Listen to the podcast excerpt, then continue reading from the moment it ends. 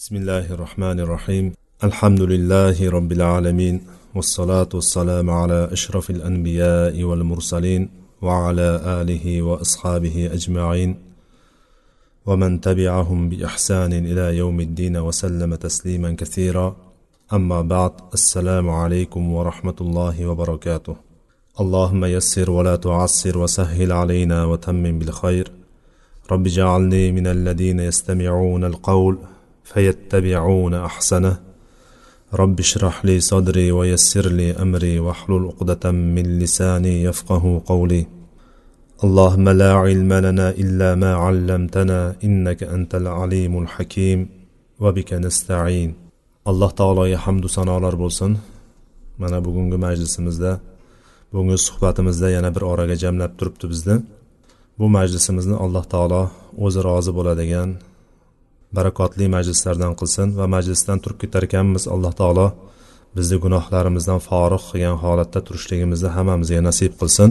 Va payg'ambarimiz sollallohu alayhi vasallamga u kishini ahli oilalari sahobalariga va jamiki mo'minlarga alloh taoloning salovati salomlari bo'lsin. Riyoz solihin kitobidan o'qib kelayotgan suhbatimizda riyoz solihindan qilayotgan suhbatimizda yigirma sakkizinchi bobga kelgan ekanmiz. Ya'ni kitobimizning birinchi bo'limining yigirma sakkizinchi bobiga tegib to'xtagan ekanmiz. Yigirma sakkizinchi bob babu satru avratil muslimin va nahyi an ishaatiha li g'ayri daruratin degan bob ekan. Ya'ni ma'nosi shundayki e, musulmonlarning avratlarini ya'ni musulmonlarning ayblarini yashirishlik va zaruratsiz boshqalarga bu ayblarni yoyishlikdan qaytarilganligi haqidagi bob. Ya'ni o'tgan bobimizga bevosita bog'liq bo'lgan bob bu ham. O'tgan darsimizda musulmonlarni haq huquqlari haqida gaplashgandik. Musulmonlarni bir biriga bo'lgan haqlari qanaqa bo'ladi nimalar bo'ladi o'sha haqida edi. Bu bob ham bevosita aslida shuni ichiga kirib ketishligi kerak bo'lgan bob aslida. Chunki musulmonlarni ayblarini to'sishlik musulmonlarni ayblarini yashirishlik ham aslida musulmonlarni haq huquqlariga kirib ketadi aslida bir biriga bo'lgan. Lekin buni o'ziga xos alohida bir ahamiyati bo'lganligidan ahamiyat kasb qilganligidan muallif rohimaulloh mana shu o'rinda yana alohida bir bob ajratdida va shunga taalluqli bo'lgan e, hadislarni oyatlarni keltirgan bo'ldi. Bunda muallif bitta oyat bilan bir nechta hadislarni keltirgan. Inshaalloh baholi qudrat qo'limizdan kelgancha bugun shular bilan tanishishlikni boshlaymiz. Alloh taolo aytadiki innalladina yuhibbuna an tashi'a al-fahishatu fil ladina amanu lahum adabun alimun fid dunya wal akhirah mo'minlarni orasida mo'minlarni ichida fohish so'zlarni fohish ishlarni va buzuqliklarni tarqalishligini xohlovchi kishilarni yomon ishlarni tarqalishligini yaxshi ko'radiganlar ana o'shalarga dunyoda va oxiratda alamlantiruvchi azob bordir degan oyat. Bu nur surasini o'n to'qqizinchi oyati ekan. Ya'ni bu oyatga kirishlikdan oldin bob haqida biroz tanishgan bo'lsak. Avrat degan kalima bilan ishlatilyapti bu yerda. Arab tilidagi avrat o'zbek tilidagi avratga ham to'g'ri keladi. O'zbek tilida ham avrat deganda boshqa odamlarni ko'rishligi mumkin bo'lmagan joy harom bo'lgan joy qarashlik harom bo'lgan joy mana shu avrat deyiladi. Oldi orqa avratlarga o'xshash. Ho'p lekin bu yerdagi asli ko'zlangan maqsad ma'naviy taraf ya'ni majoz majoziy ma'nosidagi avrat. Bu avratni yuqorida aytganimizdek tarjima qilayotganda ham ayb dedik. Ayb va xulq jihatidan yomon xulq yoki yomon amal yomon ish degan ma'noda hammasini o'z ichiga olib ketadigan narsani biz avrat deymiz. Bu yerdagi narsa. Shuning uchun bundan keyin bu yoqdagi aytayotgan gaplarimizda avrat so'zini ishlatmasdan chunki o'zbek tilida yana bu noto'g'ri tushunilganligi e'tibori bilan shuning uchun bu o'rinda demak e, ayb xato va kamchilik xulqiy jihatdan va amaliy jihatdan bo'lgan kamchiliklar deb turib umumiy suratda aytib ketaveramiz. Avrat deganimizda ko'pchilik inson o'zimizni o'zbek xalqi noto'g'ri tushunib qolishligi mumkin bo'lganligi uchun mana shuni ayb deb ketaveramiz. Bundan buyog'iga ayb kamchiliklar deb.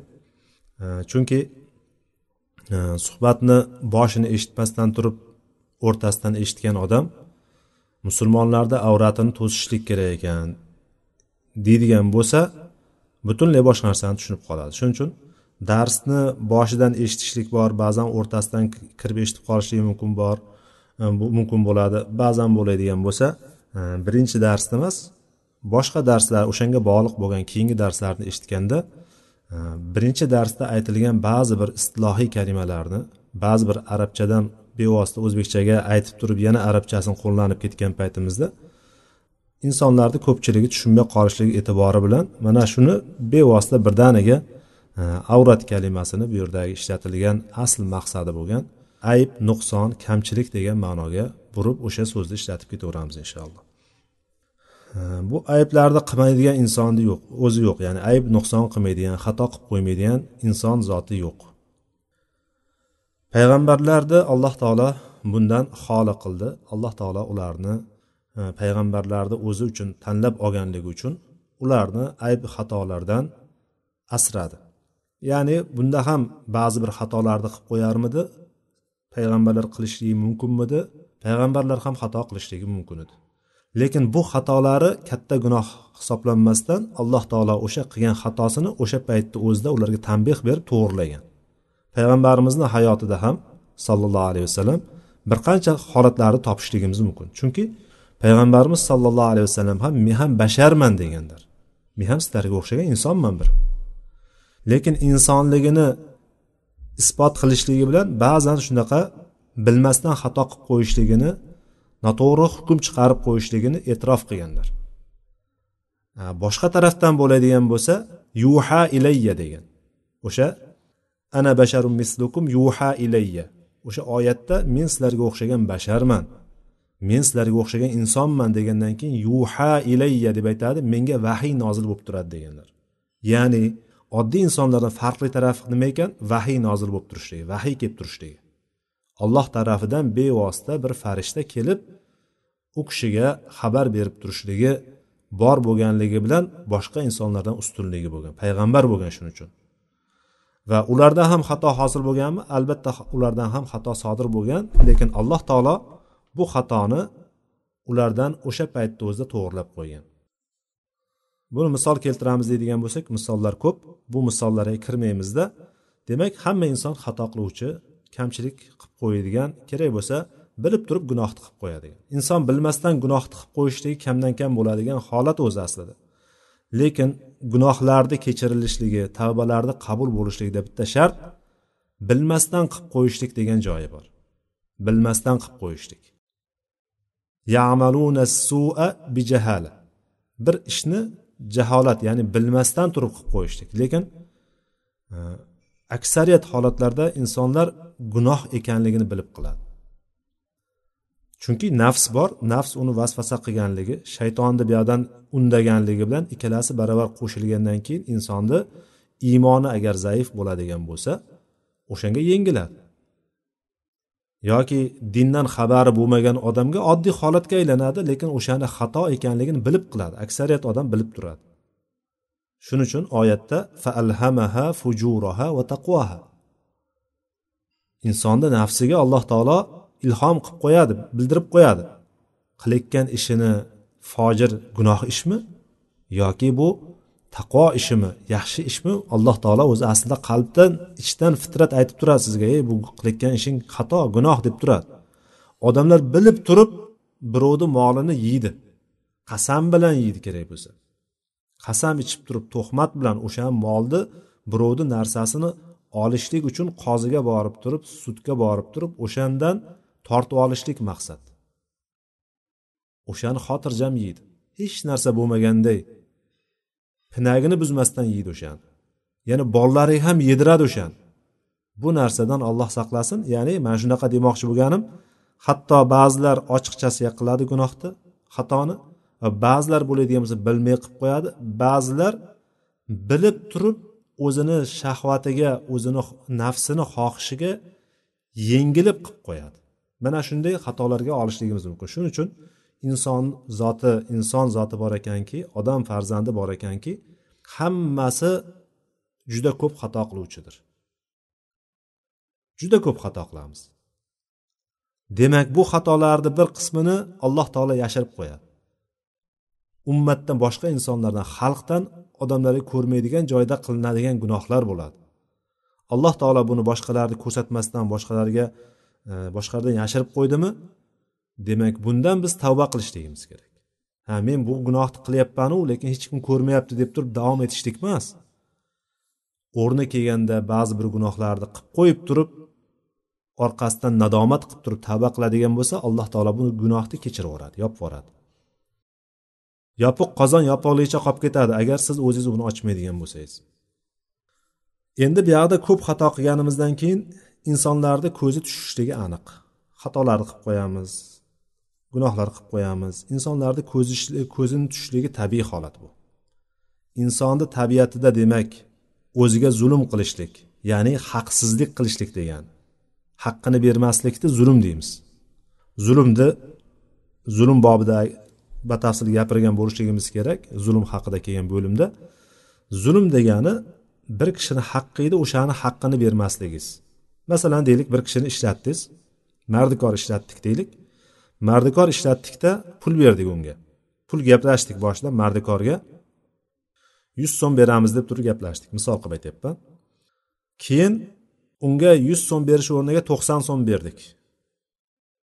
Ya'ni haqqidan urib qolyapmiz. Hatto to'qson to'qqiz so'mu to'qson to'qqiz tiyin bersangiz ham bir so'm o'sha yerdagi orqasida qolgan bir tanga qolib ketayotgan joyi ham unga nohaqlik qilayotgan bo'lasiz ya'ni unga zulm qilayotgan bo'lasiz. Hamma narsani mana shunga qiyoslavering endi.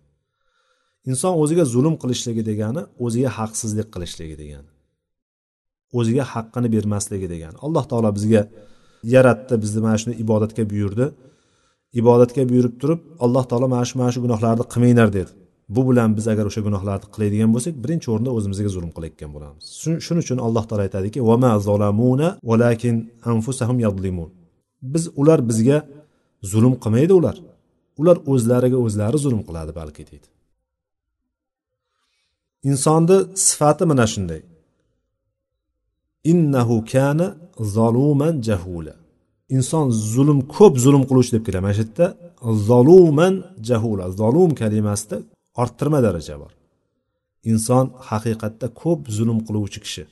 Ya'ni ko'p nohaq ishlarni qilib qo'yadi. Haqlarni bermay ketadi. O'zini nafsidagi badanidagi haqqidan tortib turib allohni haqqigacha bo'lgan oradagi butun nimalar bo'ladigan bo'lsa hammasini haqsizliklarga ko'p kirib qoladigan inson. Demak shu sifatimiz bor. Undan tashqari jaholat sifatimiz bor bilmaslik. Mana shu bilmasdan qilib qo'yishlik yo bo'lmasam bilmasdan degan bilgan narsamizni ham ba'zan xatoga tushib qolishligimiz gunohga tushib qolishligimiz bilgan narsamiz ham ba'zan bizga bilmaganday yopilib ketadida o'sha narsani qilib qo'yamiz. Mana bu narsa bilan sifatlangandan keyin demak inson tabiatimizda bor. Xato qilishlik tabiatimizda bo'lgandan keyin endi buyoqda majbur bu yerda insonlarni jamiyatni ichida bitta muvozanatni saqlashligimiz kerak. Muvozanatni saqlashlikni har kimni o'ziga tashlab qo'ygan yo'q. Alloh taolo o'zini shariati bilan buni jamiyatda bir birdamlik bo'lishligini xohladi. Shuning uchun eng katta buyurilgan narsa allohni vahdoniyati bo'lsa ya'ni allohning tavhidi allohni bitta deb ibodat qilishlik bo'ladigan bo'lsa uni yonida yana vahdat degan kalima bor. Vahdoniyat bilan vahdatni bir biriga bog'liqligini ko'ryapsizlarmi vahdat degani birdamlik birlik degani. Musulmonlarni birligini ham alloh taolo shunday xohladi. Ya'ni jamiyatda birlik bo'lishligini xohladi birlikka buziladigan narsalarni hammasini oldini oldi. Mana shundan bittasi mana shu insonni tabiatida xato qilib qo'yishlik ayblarni qilib qo'yishlik bir nuqsonga yo'l qo'yishlik bormikan? Demak bir birimizga nisbatan bu ayblarimizni to'sishligimiz kerak bir birlarimizni aybimizni yashirishligimiz kerak bo'ladi ekan bu o'rinda. Illo bitta sabab bilangina bitta narsa bilangina uni o'rtaga chiqarishligimiz mumkin aytishligimiz mumkin. Zarurat tug'ilsa. Zaruratsiz bekardan bekarga o'tirganda falonchi bunday qildi pistonchi bunday qildi men uni hech ham bunaqa deb o'ylamagandim deb turib g'iybat qilib turib uni obro'siniyu to'kishdan tashqari g'iybatda bor narsani gapiriladigan bo'lsa endi yo'q narsalarni ham qo'shib gapirishlik bilan tuhmat bo'xtonga o'tib ketib qolamiz biz. Alloh saqlasin. Mana shu narsadan saqlanishlik kerak bo'ladiki zarurat bo'lgan paytda ya'ni qilmasangiz bo'lmaydi. O'sha narsani ogohlantirib qo'ymasangiz bo'lmaydigan bo'ladigan bo'lsa unda o'shani aytishligingiz afzal bo'ladi. Bittasida bir aybni ko'rdingiz. O'sha aybni yashirsangiz afzal deb biladigan bo'lsangiz yashirasiz. Hozir buni e, tafsilotiga kiramiz inshaalloh. Agar uni aytish kerak afzal o'rni bo'ladi desa aytasiz.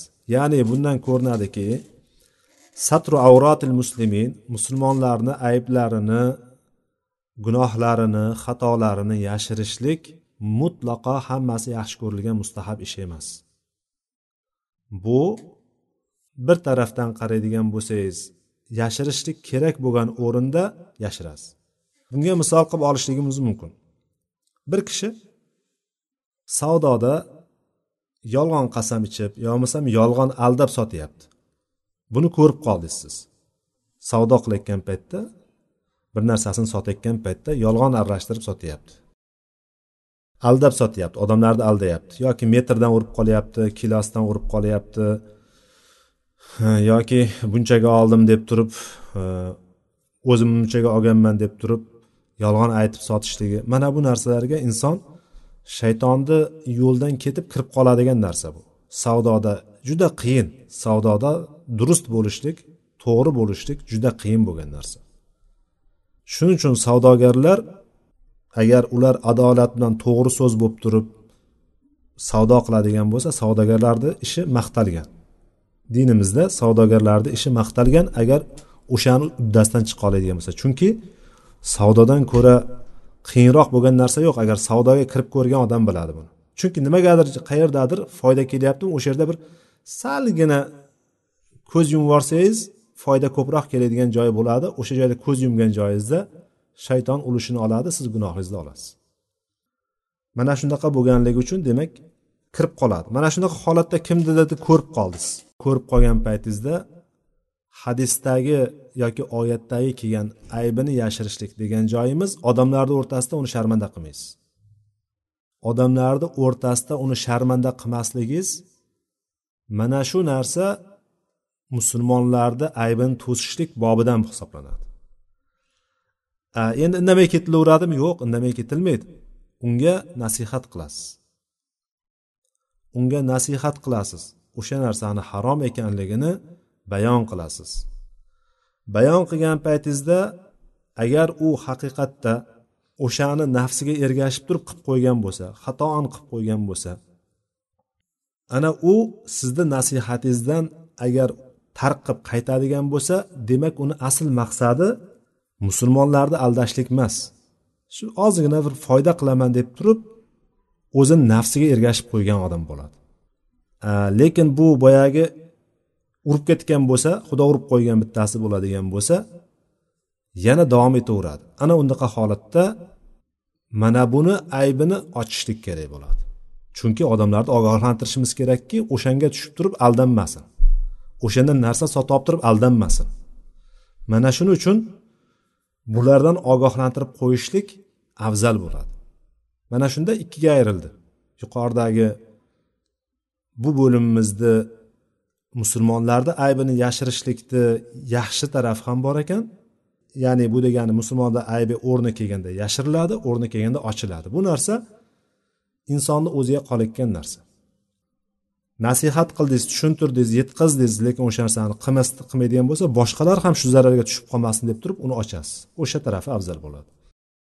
Yoki e, ba'zilar mana ibn usaymi rahimalloh bu yerda keltiribdi.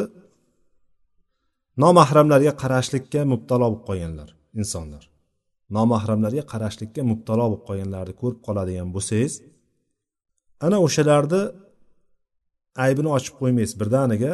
Hammani o'rtasida falonchi xotinlarga qaraydi ekan qizlarga qaraydi ekan yo bo'lmasam falonchi erkaklarga qaraydi ekan deb turib hammani o'rtasida uni fosh qilmaysiz. Uni hammani o'rtasida sharmanda qilmaysiz. Unga alohida e sizda mana shu narsani eshitib qoldim shu narsani ko'rib qoldim sizda. Facebookda bemalol yozishasiz ekan e yoki bo'lmasam falonchi anavilarda twitterlarda bemalol gaplashasiz ekan. U gaplarni ko'chada yurgan johillar eshitsa qo'rqib ketadigan darajadagi so'zlarni bemalol xotirjam gapirasiz ekan. Bu nimasi? deb turib nima qilasiz? ogohlantirasiz. Ya'ni hozirgi kundagi misollar bilan aytyapmanki hozirgi kunda masalan ko'rmayaptiku deb turib whatsapp deymizmi viber deymizmi facebook deymizmi skype deymizmi nima bo'ladigan bo'lsa ya'ni tarmoq vositalarida ham bemalol yozishlik mana bu yozgan paytda insonni shahvatini uyg'otadigan insonni haromga yetaklaydigan narsalarni insonni aqlini oladigan narsalarni yozishlik ham bu narsa ham fahsh turlaridan biriga kiradi. Inson sizni ko'rmagan taqdirda ham yuzingizni ko'rmagan taqdirda ham sizni aytayotgan gaplaringizdan ta'sirlanishligi degan narsa bor. Bu shayton o'rtaga oriladi degan harom ishga kirdingiz degan. Mana shunaqa qilayotgan bironta dugonangiz bormi akangiz bormi ukangiz bormi singlingiz bormi xullas kim bo'lishidan qat'iy nazar shunga ko'zingiz tushib qoldi. Tanishlaringizdan bittasiga ko'zingiz tushib qoldi shu narsani qilayotgan ana o'shanda siz boshqa joyga borib turib e palonchi palonchi mana shunday qilar ekan deydigan bo'lsangiz siz uni aybini ochgan bo'lasiz. Bu narsadan biz qaytarilgan joyimiz shu. Odamlarni o'rtasida buzuqliklarni tarqalishligini xohlovchi yaxshi ko'rishlik o'shani tarqatishlikni qaytarishlik bobidan tushadi lekin zarurat bu qachon bo'ladi zarurat? Endi siz unga oh-, ogohlantirdingiz. Yetkazdingiz bu ishni harom ekanligini mumkin emasligini nomahramlarga qarashniyu ular bilan bevosita gaplashishlikni ya'ni zaruratsiz bu yerda ya'ni zarurat biron bir ish chiqib boshqa qilishligi u o'zini yo'liga. Lekin yetti yot begona deylik. Yetti yot begona bilan tarmoqda tanishib qoldingiz. Yozishib qoldingizda u sizga qayoqdagi so'zlarni yozyapti siz ham qayoqdagi so'zlarni yozyapsiz. Mana bu narsadan juda ehtiyot bo'lishlik kerakki bu shaytonni to'rlaridan bittasi. Shaytonni to'riga tushganingizdan keyin u sizni suvda bo'lsangiz ya'ni taqvoda bo'ladigan bo'lsangiz chiqarib oladi bu yoqqa. Taqvodan fisq yo'liga chiqarib oladi. Taqvo doirasidan chiqdingizmi? Demak siz shayton to'riga tushganingizdan keyin ketaverasiz. Shu yo'l ochilib ketaveradi o'sha taraf. Shuning uchun alloh taolo aytadiki vala taqrobu zina. Zinoga yaqinlashmanglar deydi. Zino qilmanglar demayapti. Zinoni qilmanglar deb qaytarmayapti. Alloh zinoga yaqinlashmanglar degani zinoga olib boradigan hamma yo'lni yopishlik kerak. Mana shuning uchun bundan ehtiyot bo'lish kerak. Mana shunda siz uni hammani yonida gapirib uni obro'sini to'kmasligingiz uni aybini yashirishlik bo'ladigan bo'lsa endi nasihat qildingiz. Unga yetkazasiz yetkazganingizdan keyin u to'xtaydigan bo'lsa to'xtaydigan bo'lsa mana bundan demak o'zini o'nglabdi u. Alloh taolodan qo'rqibdida o'zini o'nglabdi deysiz. Agar u o'zini o'ynamaydigan bo'lsa o'zini to'g'irlamaydigan bo'lsa endi kerakli o'rinda kerakli joyda buni ochasiz. Uni tiyib qo'yadigan birontasini taniydigan bo'lsangiz o'shanga borib aytasiz. O'shanga aytasizki bu narsani to'xtasin bu narsadan. Agar bunda ham to'xtamaydigan tegishli odam ham chorasini ko'rmaydigan bo'ladigan bo'lsa o'shandan ehtiyotroq bo'lish kerak ekanligini qolganlarga ham ochasiz. Mana bu ochishligingiz afzal bo'ladi. Mana shu o'rini ya'ni zarurat bo'lganda ochiladi ekan bu o'sha ayblarni ochish kerak bo'ladi ekan. Muallif bu o'rinda yuqoridagi oyatni keltirdi. Bu oyat mo'minlarni ichida musulmonlarni ichida faxsh ishlarni shoyi bo'lishligini ya'ni tarqalishligini yaxshi ko'radigan insonlar bor deyapti. Yaxshi ko'radigan xohlaydigan insonlar bor.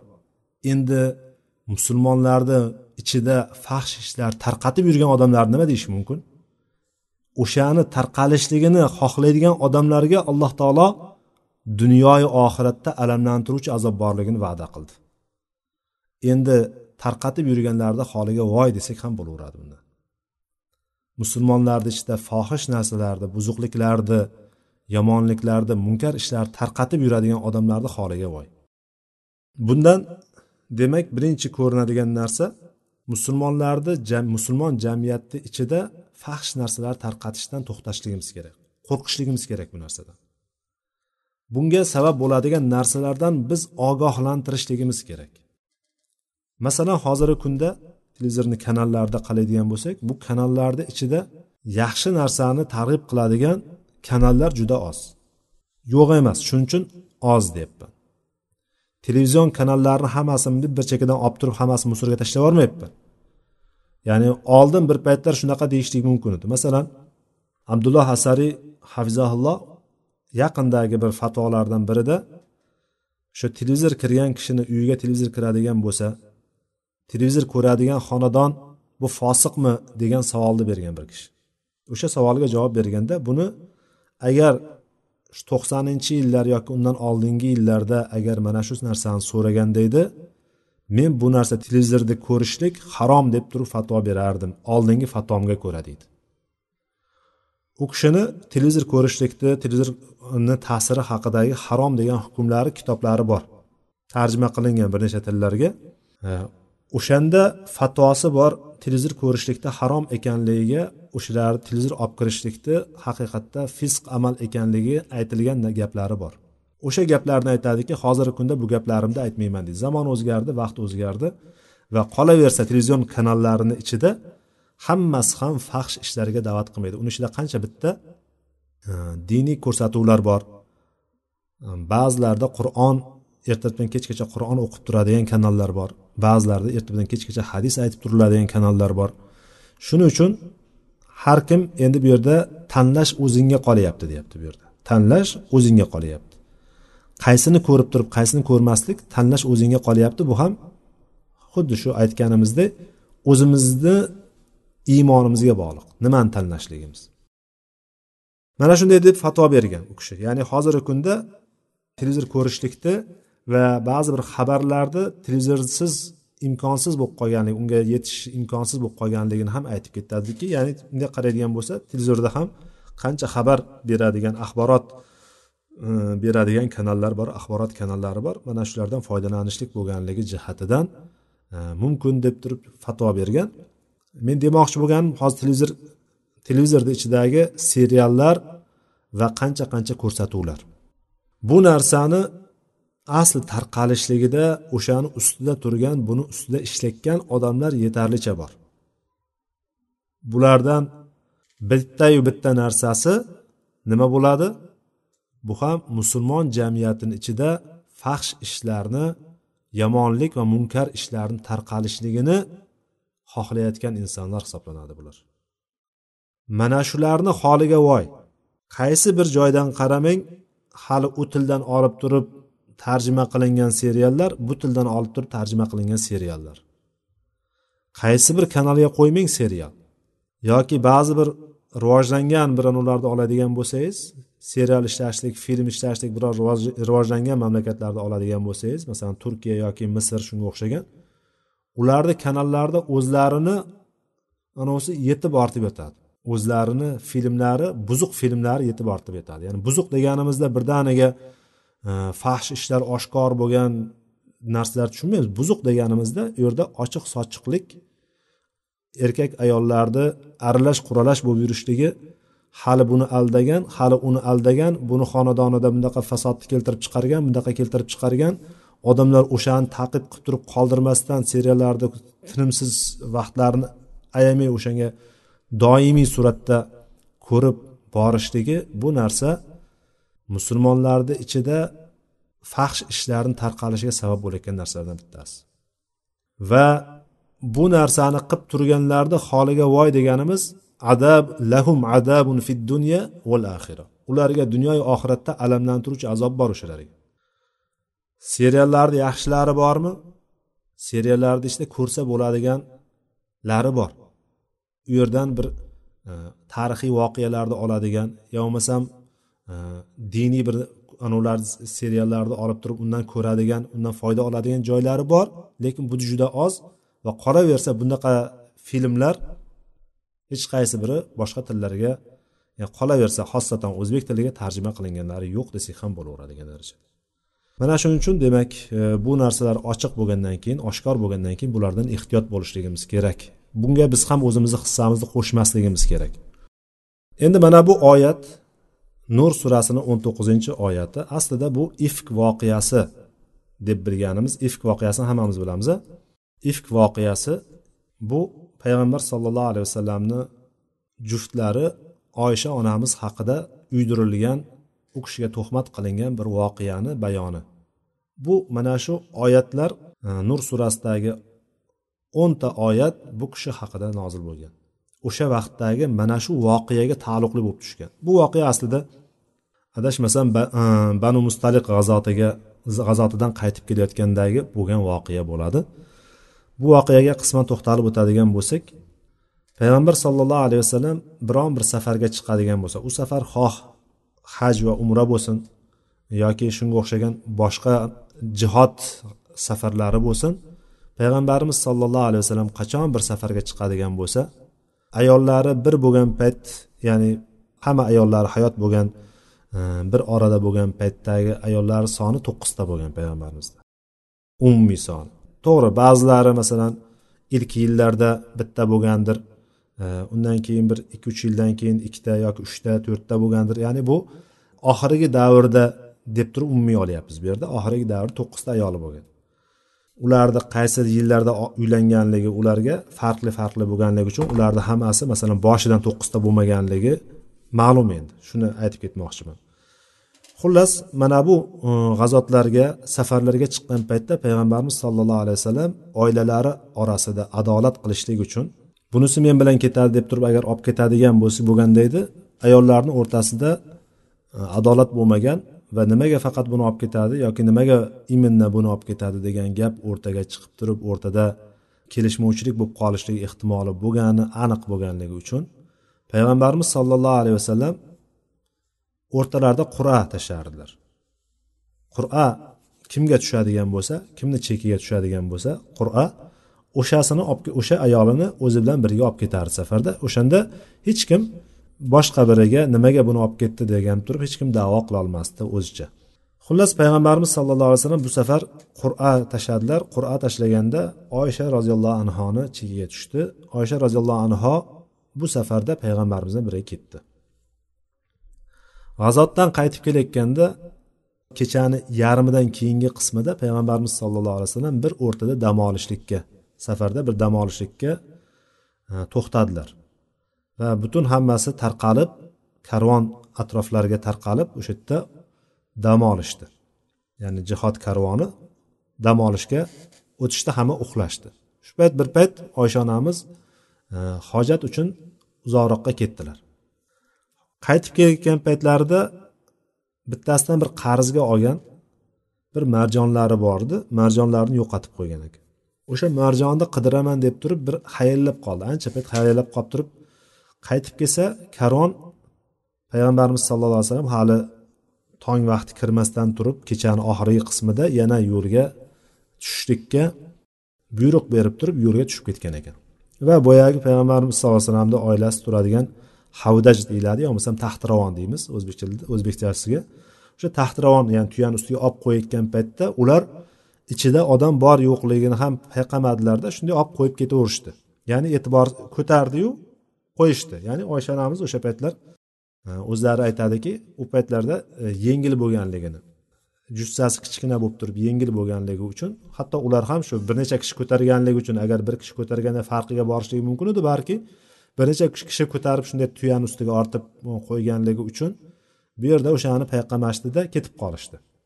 Oysha onamiz kelsa karvon yo'q joyda oysha onamizni aqli zakovatiga qaranglarki u yoqdan bu yoqqa yugurib ularni qidirishga tushmadilarda e, meni yo'qligimni bilgandan keyin albatta shu yerga qaytib keladi deb turib qayerda to'xtagan bo'lsa o'sha joyda o'tirdilarda ko'zlari uyquga ketdi. Ko'zlari ilindi uxlab qoldi. Shunda yo'lda saffon ibn muattal degan sahoba kelib qoldi.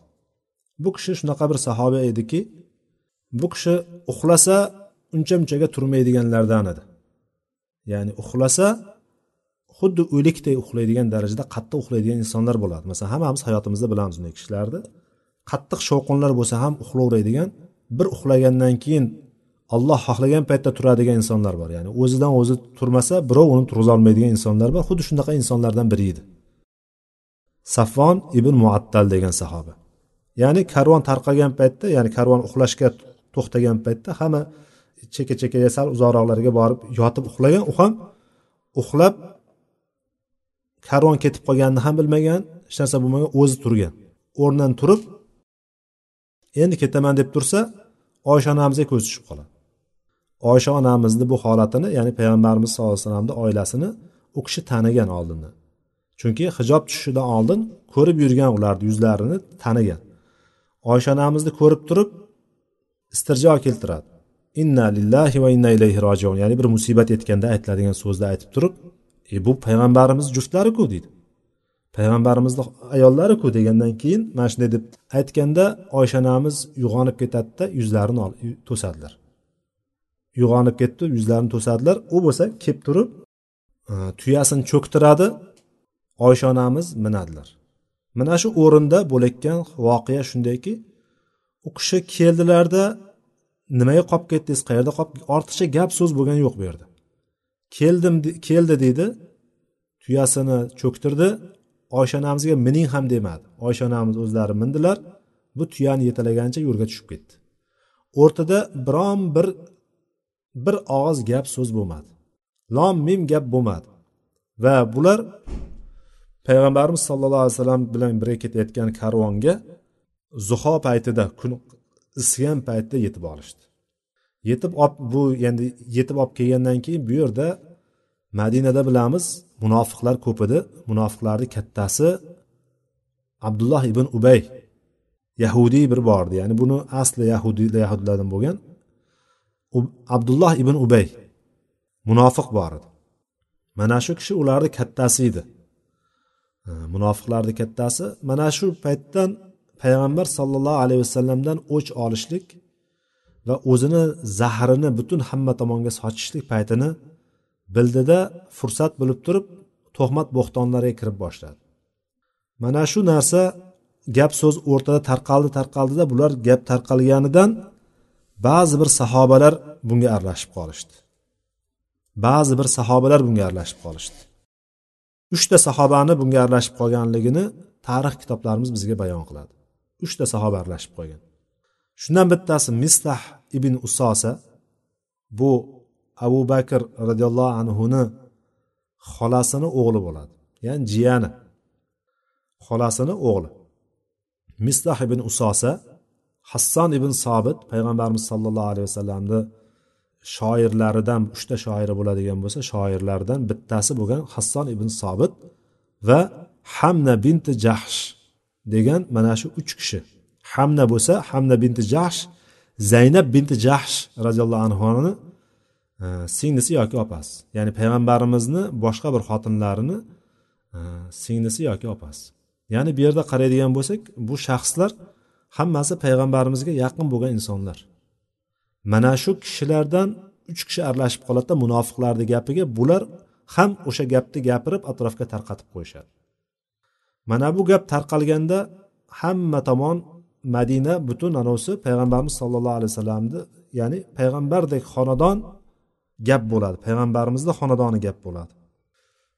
Shunda payg'ambarimiz sollallohu alayhi vasallam ancha payt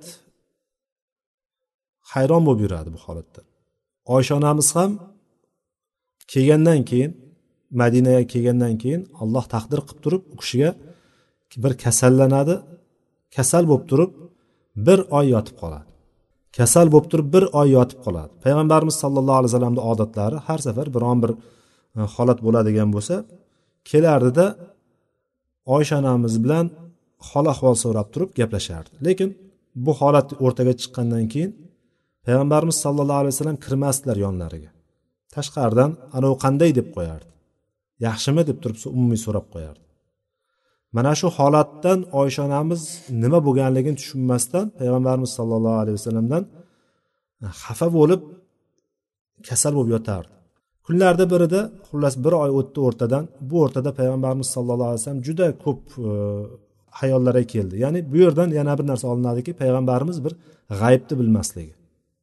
Payg'ambarimiz ham men ham basharman deganligi joyi mana shu bo'ladiki payg'ambarimiz ham bir inson bo'lgan. Allohni eng suygan bandasi bo'lishiga qaramasdan payg'ambarlarni ham eng kattasi bo'lishiga qaramasdan sayyidi ya'ni payg'ambarlarni sayyidi bo'lishiga qaramasdan u kishi ham g'aybni bilmagan. G'aybni bilganda edi oysha onamiz mana shu ishni qilmaganligini bilgan bo'lardilar lekin bilmadilar shuni. Va hattoki shu nima qilsam ekan deb turib maslahat soldi. Bu ishdan qanday bir yo'l tutsam ekan deb maslahat solganda maslahatni ichida ali roziyallohu anhu ochiq aytmasa ham ishora qilib turib boshqa xotinlar ham borku degandek qilib turib ishora qilib turib ya'ni xohlasangiz uni qo'yib yuborib turib boshqa xotin olsangiz bo'ladiku deb turib maslahat berdi. Usoma va boshqa sahobalar umar roziyallohu anhu bu narsalarni e, ya'ni odamlarni gapiga parvo qilmasdan oilasini davom ettirishlikni maslahat berdi qolganlar. Shunda payg'ambarimiz sollallohu alayhi vasallam boyagi abdulloh ibn ubay ya'ni asosiy fitnachilarni kattasi bo'lgan mana shu munofiqni ta'zirini berishlikni o'shani o'ldirishlikka hattoki o'shani o'ldirishlikka bir hukm qilishlikni so'radi. Shunda payg'ambarimizga o'sha e, avs qabilasidan bo'lgan bir usayd ibn huzayr degan sahoba men o'ldiraman ya rasululloh deb chiqqandan keyin buyoqda bo'lsa sad ibn uboda degan kishi hazraj qabilasidan bo'ladi bu. Avus bilan hazraj bilamiz oldindan bir biri bilan payg'ambarimiz kelishidan oldin bir biriga qarshi doimiy urushib kelgan va payg'ambarimiz kelgandan keyin bular birodarga aylangandi. Avs bilan hazraj ikkita ansorlardan ikkita qabila.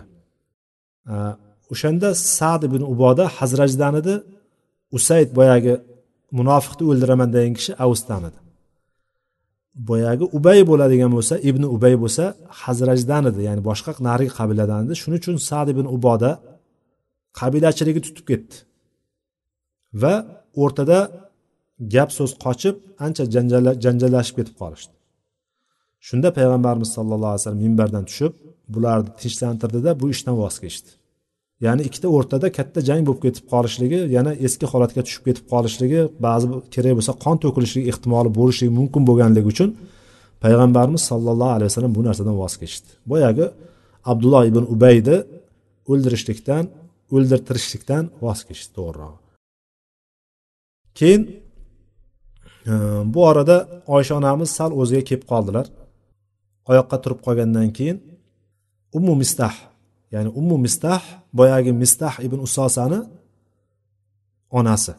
Mistah demak bu yerda ummu mistah kim bo'ladi?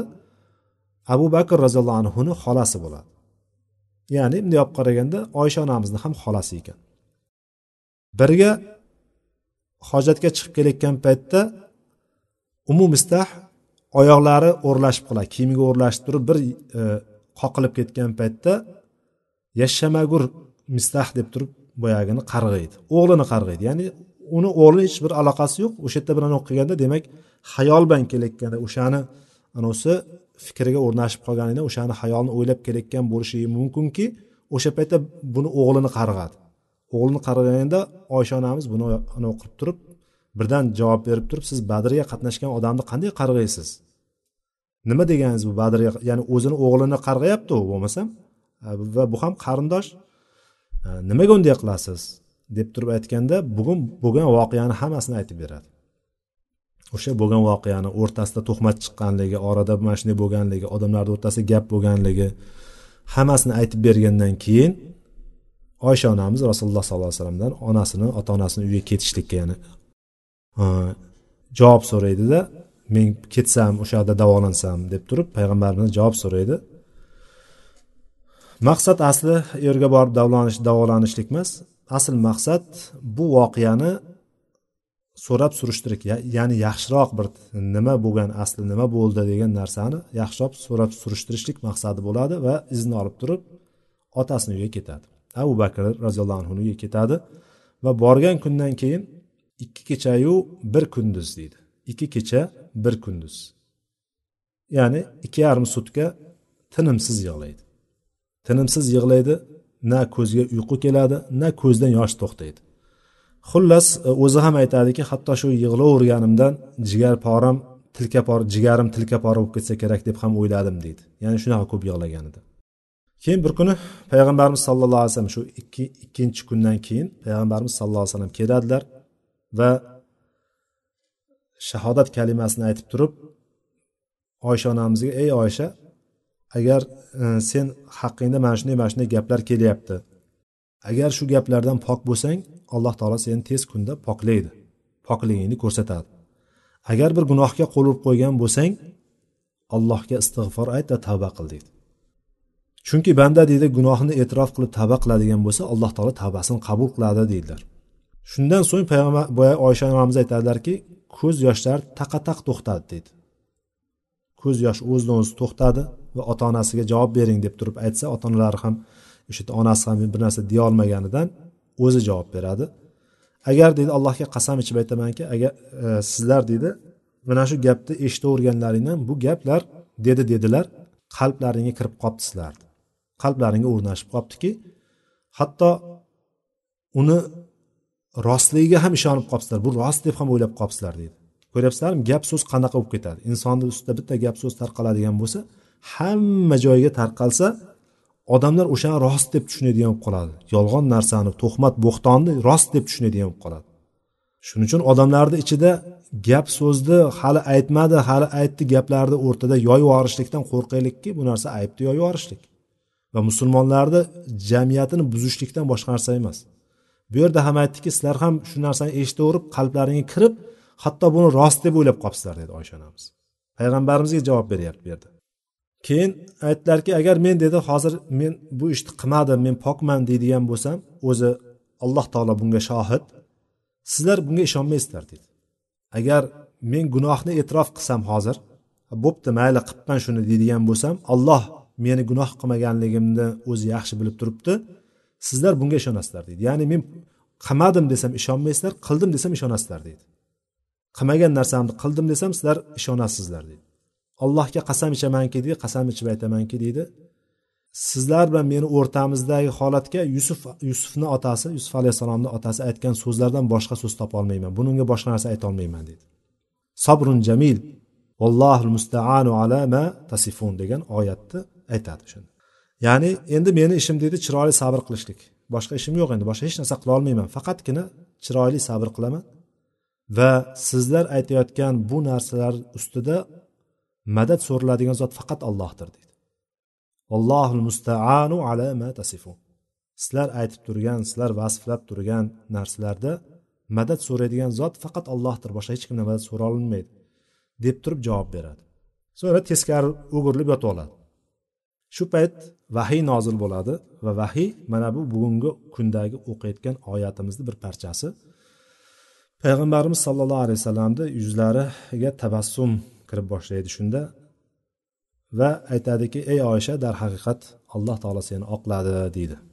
Shunda oysha onamizni onasi tur bor e, payg'ambarimizni yoniga bor degan paytda bu o'ziga ishonganligi va payg'ambarimiz sollallohu alayhi vasallamni ham u kishiga bo'lgan muhabbatini bilganligidan xotirjam bo'lganligidan allohga qasam ichib aytamanki oldilariga bormayman deydi men faqat allohgagina hamd aytaman deb turib javob beradi. Mana shu oysha onamizni holati mana shu voqeadan bir qancha foydalar chiqqan mana shu oyatlarda keladiki o'nta oyatni alloh taolo nozil qildi o'sha paytda payg'ambarimizga. O'shanda bu bo'xtonni deydi hech shak shubha yo'qki mana shu bo'xtonni vujudga keltirgan kimsalar o'zlaringizdan bo'lgan bir to'dadir deydi. Usbatun minkum. Sizlardan deydi. Sizlardan bo'lgan ya'ni ichlaringdan bo'lgan bir toifa insonlardir dedi. Bo'lgan voqeani mana shu narsani sizlar o'zlaringiz uchun yomonlik deb o'ylamanglar balki u sizlar uchun yaxshilikdir dedi. Ya'ni buni orqasidan juda katta foydalar keldi. Ya'ni bo'xtonchilardan har biri uchun o'zi qilgan gunohiga yarasha javob bor dedi. Ya'ni jazo bor dedi alloh taolo. Har biriga. Mana shu bo'xtonni kim chiqardi birinchi? Abdulloh ibn ubay. U jazosini oladi. Undan keyin bu yoqdagi uchta aralashib qolgan kishi bor. Uchta aralashib qolganlar kim edi? Birinchisi jiyanlari abu bakr roziyallohu anhuni jiyanlari mistah ibn usosa. Ikkinchisi hasson ibn sobit uchinchisi payg'ambarimizni qayni singillari hamna binti jahsh bor edi. Bularga sakson darradan urildi. Had jazosi qo'llanildi ya'ni. Had jazosi ya'ni kimgadir bo'xton qilinadigan bo'lsa qilmagan ishini qildi deb turib zinoda ayblaydigan bo'lsa va guvoh olib kela ololmaydigan bo'lsa to'rtta guvoh olib kela olmaydigan bo'lsa ularni islomda had jazosi bor. Bu had jazosi sakson darra urishlik. Bularga sakson darradan urildi sahobalarda. Mana shu aytmoqchi bo'lgan har bittasi jazosi bor degandan had belgilangan mana shu uchalasiga jazo qo'llandi. Ularni orasida gunohning kattasini ko'targan kimsa uchun ulug' azob bor dedi. Ularni orasida gunohni o'zini bo'yniga ko'targanlar uchun katta azob bor ulug' azob bor dedi. Bu kim? Ubay abdulloh ibn ubay. Hamma gunohni o'ziga eng katta ishni qilgan mana shu aslida lekin unga had jazo qilinmadi. Buni had jazo qilinmaganligida olimlarni bir necha gaplari bor. Payg'ambarimiz sollallohu alayhi vasallam unga had jazosini qo'llamadi. Sababi deydi ba'zilar uni ya'ni munofiqlarni asl jazosi do'zaxda. Bu dunyoda agar uni qilishligi mumkinmidi? Mumkin edi. Lekin payg'ambarimiz sallallohu alayhi vasallam buni tark qildilar. Hatto bu yuqorida o'ldirishlikka hukm bermoqchi bo'lib turdi. Bu o'rtada bir fitna chiqqanligi uchun to'xtatuvdi. Umar roziyallohu anhu aytadiki payg'ambarimiz sollallohu alayhi vasallamni mana shu ishlarini eng katta ishlardan bittasi deb bildim deydi. Juda katta ishlardan bittasi deb bildim deydi. Mislsiz darajada barokatli ish bo'lganligini ko'rdim deydi o'shani deydi. Chunki ibn ishoq siyratshunos olimlardan biri ibn ishoq rahimalloh aytadiki o'sha voqeadan keyin abdulloh ibn ubay munofiq biron bir nojo'ya ish qilib qo'yadigan bo'lsa hatto o'zini qavmdoshlari ham uni jirkib aybini yuziga solib yer bilan bitta qilib tashlaydigan bo'lib qoldi deydi. U bo'lmasam hammani boshqarib yurgan o'zini gapiga ergashtirib yurgan odam edi aslida lekin mana shu voqeadan keyin biron bir xato ishni nojo'ya gapni ishni aytib qo'yadigan bo'lsa o'zini qabilasidagi odamlar ham uni jirkib tashlardi aybini yuziga solib tashlardi shunda payg'ambarimiz sallallohu alayhi vasallam umarga ko'rdingizmi umar? deb turib aytganda bir paytlar buni o'ldirishlikni talab qilinganda o'ldirganim deydi. Buni tarafdorlari junbushga kelgan bo'lardi deydi. Hammasi ya'ni o'rtada katta bir janjal chiqib ketishiga sabab bo'lgan bo'lardi. O'sha payt shunday tashlab qo'yganligi uchun hozir esa deydi bugungi kunda deydi agar ularni buyursam deydi o'zlariga buyursam deydi uni hech ikkilanmasdan o'ldiradi deydi. O'zini qabiladoshlari kelib o'ldirib tashlaydi buni deydi agar buyursam deydi. Ya'ni mana shunday qilib turib payg'ambarlikni bir hikmati bor. Ya'ni o'sha hikmatlardan bittasi uni nimaga o'ldirilmadi deydigan bo'lsa ularni jazosini oxiratdagi jazosini yengillatilmasligi uchun shunday qildi degan olimlarni bir ko'rishlari bor. Endi o'shanda deydi Э, mo'minlarni ichida deydi. O'shani eshitgan paytda sizlar mana shu bo'xtonni eshitgan paytlaringda bir birlar mo'minlar bir birlari haqida yaxshilikni o'ylab bu ochiq bu ochiq bo'xtonku desalar bo'lmasmidi deydi alloh taolo. Demak bir ma'lumot keladigan bo'lsa bir tanigan odamimiz tanigan birodarimiz haqida biz eshitsak sochimiz tepa sochimiz tikka bo'ladigan bir holat yo bo'lmasam haqiqatda bir xunuk bir narsani eshitadigan bo'lsak birdan tasdiqlab turib orqasidan qo'shib unga yuzta gapni qo'shib boshqa joyga tarqatib yuborishlik emas. E to'xta deya olishligimiz kerak o'sha payt. E to'xta deya olishligimiz kerak. Ko'rgan taqdirimizda ham yana yuqoriga qaytamizki aybini ochmaslik. Unga bir nasihat qilishligimiz kerak. Va buni ko'rgan paytimizda o'sha musulmonga nisbatan qalbimizda bevosita o'ziga nafrat emas qilgan ishiga nisbatan nafrat paydo bo'lishligi kerak. Biz shaxsiy adovatlarimizni qalbiy masalalarimizga e'tiqodiy masalalarimizga aralashtirmasligimiz kerak. Bu musulmonchilikni jamiyatni buzilib ketishiga sabab bo'ladigan narsa. Bu mana shunday dedi. Bu ochiq bo'xtonku desalar bo'lmasmidi dedi. Ular ya'ni o'sha munofiqlar yo bo'lmasam shunga shu bo'xtonga aralashib qolib turib gap tarqatgan kishilar to'rtta guvoh keltirsalar bo'lmasmidi dedi. Ya'ni to'rtta guvohlar keltirish to'rtta guvoh olib kelishligi kerak edi bu gapni aytayotganlar. Agar guvoh olib kelmasalar u holda ular ollohni nazdida yolg'onchilardir dedi. Demak bir kishini ko'zingiz bilan ko'zingiz bilan ko'rsangiz o'sha ishni qilayotganligini zino ishini qilayotganligini ko'zingiz bilan ochiq ko'rsangiz mana shuni ko'rgan taqdiringizda ham agar guvohingiz bo'lmaydigan bo'lsa hech narsa deya olmaysiz. Hech narsa qila olmaysiz. Chunki agar bir kishi ko'rib turib yoki ikki kishi ko'rib turib buni aytaydigan yoki tegishli joylarga borib turib aytaydigan bo'lgan taqdirda deydi musulmon jamiyat buzilib ketgan bo'lardi. Lekin alloh taolo shunaqa bir holatni keltirib qo'ydiki to'rtta guvoh bo'lmasa bo'lmaydigan qilib qo'ydi. Bu to'rttasi ham erkak bo'lishligi kerak. To'rtta erkak guvoh bo'lishligi kerak. Bitta erkakniki ikkita ayolga almashishligi mumkin guvohligi mana bu narsa imkonsiz. Bunday qaraydigan bo'lsa hech imkoni bo'lmagan narsa. Ya'ni inson kelib turib o'zi tan oladi men shu ishni qildim deydi ana unda bunga bir qozi bir hukm haddini jazosini beradi. Yo bo'lmasam hozirgi kunda videolarga olishlik mumkindir balki. Videoga olishlik mumkindir lekin videoda ham montaj qilingan qancha narsa bor? Ya'ni u ham tahlilga qoladi. Videoga olib kelib turib mana videoga olib keldim mana shu lekin ularni videoga olgan paytingizda ularni yuzini ko'zini hammasi ochiq oydin bo'lishligi kerak. Chunki isbotlash kerak uni. Mana bu narsa haqiqatda imkonsiz narsa. Chunki boshqa bittasi ustiga kelib qolib turib uni videoga olguncha qarab turadimi ular? Qarab turmaydi. Ajralib ajralib ketadigan bo'lsa ajralib ketgan holatda olgan anavingiz hech qanaqa foyda bermaydi uni. Ya'ni bu narsa bunday olib qaraydigan bo'lsa juda qiyin narsa. Uni u holatda ushlab turib unga had jazo qilishlik mumkin bo'lmagan narsa. Tarixda bu holat bo'lmagan. To'rtta guvoh kelib turib bittasini ushlab turib uni toshbo'ron qilib o'ldirilgan holat umuman bo'lmagan tarixda. Tarixda toshbo'ron qilingan ikkita uchta holat bor. Payg'ambar sallallohu alayhi vasallam davrida bo'lgan ikkita holat bor. Ular kelib turib o'zlari tan olishgan. O'zlari tan olishgan. O'zlari tan olgandan keyin payg'ambarimiz sallallohu alayhi vasallam toshbo'ron qilishga hukm qilingan. Bo'lmasam to'rtta guvoh bilan olib kelishligi yo bo'lmasam yuzda yuz isbotlab berishligi bunday olib qaraydigan bo'lsa amr mahol narsa. Bo'lishi mumkin bo'lmagan darajada ehtimoldan xoli bo'lgan narsa hatto. Xullas mana shunday. Islom jamiyatida alloh taolo shariatini qo'ydi. Mana bu shariatga biz xohlaymizmi xohlamaymizmi majburmiz bo'ysunishlikka to'rtta guvoh kelishligi kerak. Er xotin masalasi bundan mustasno. Er xotin masalasida bu yerda mulaana degan narsa bor. Er xotinni topib oldi alloh saqlasin yoki xotin erini.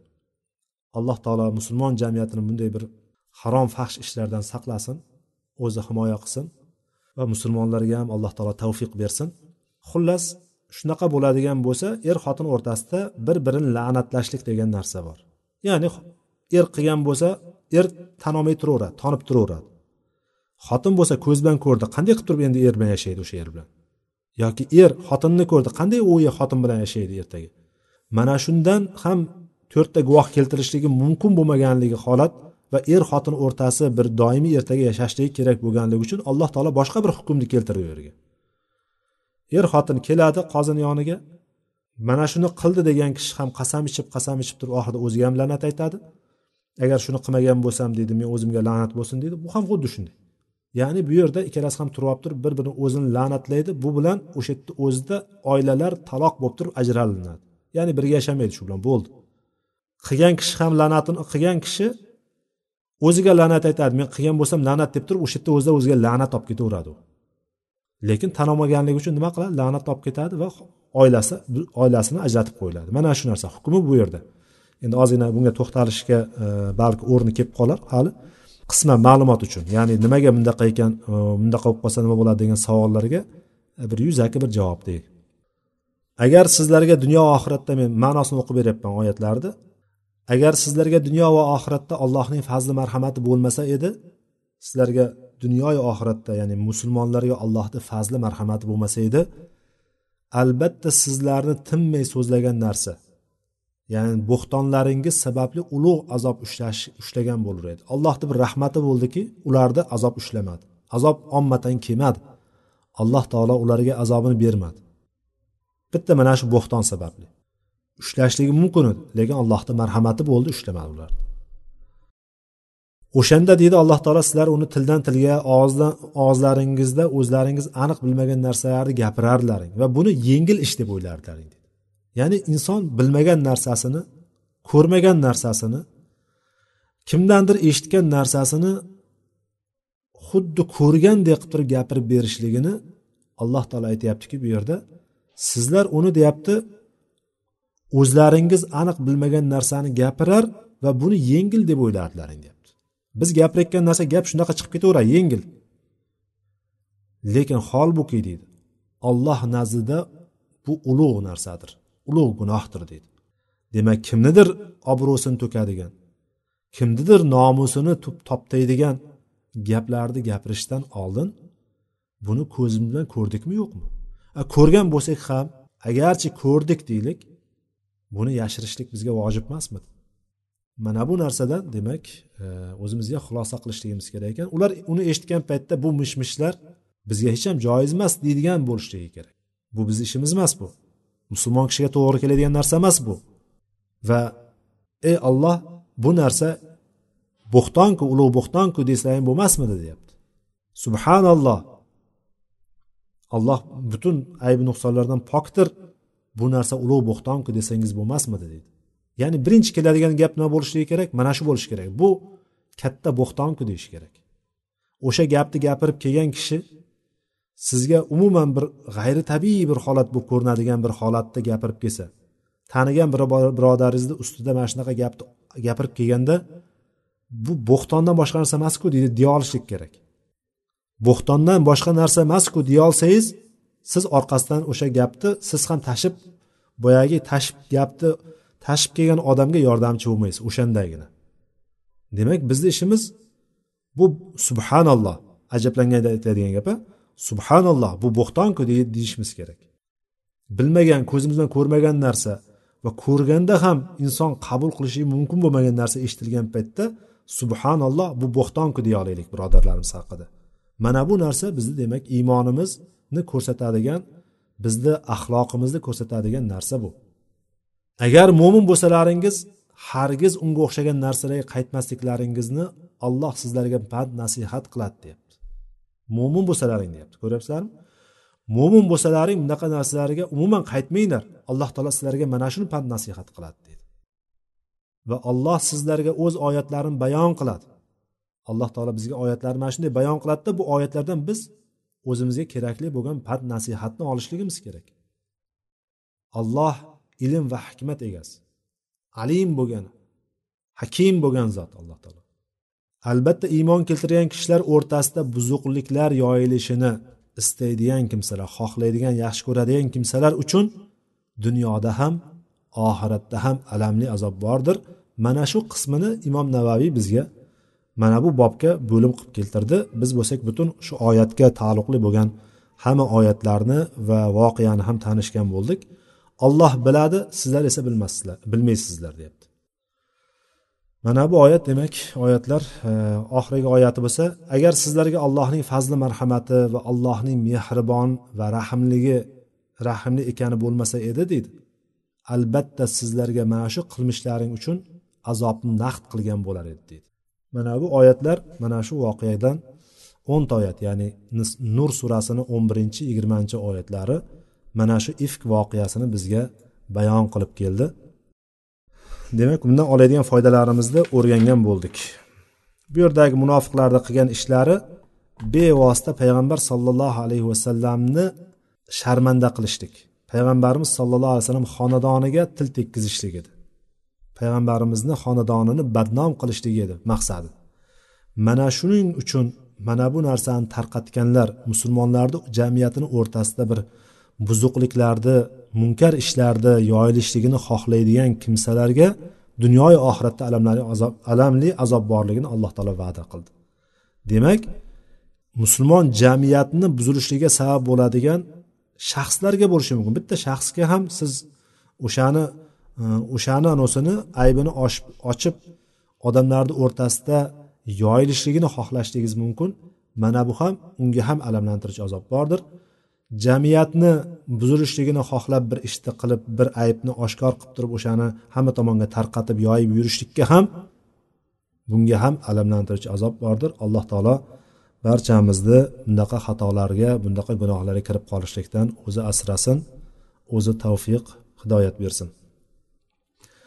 Vaqtimiz biroz cho'zilib qolganligi uchun hadislarga kirmaymiz. Hadislarga inshaalloh keyingi suhbatlarimizda kirgan va o'qigan o'rgangan bo'lamiz inshaalloh. والله أعلم. سبحانك اللهم وبحمدك أشهد أن لا إله إلا أنت أستغفرك وأتوب إليك. وآخر دعوانا أن الحمد لله رب العالمين.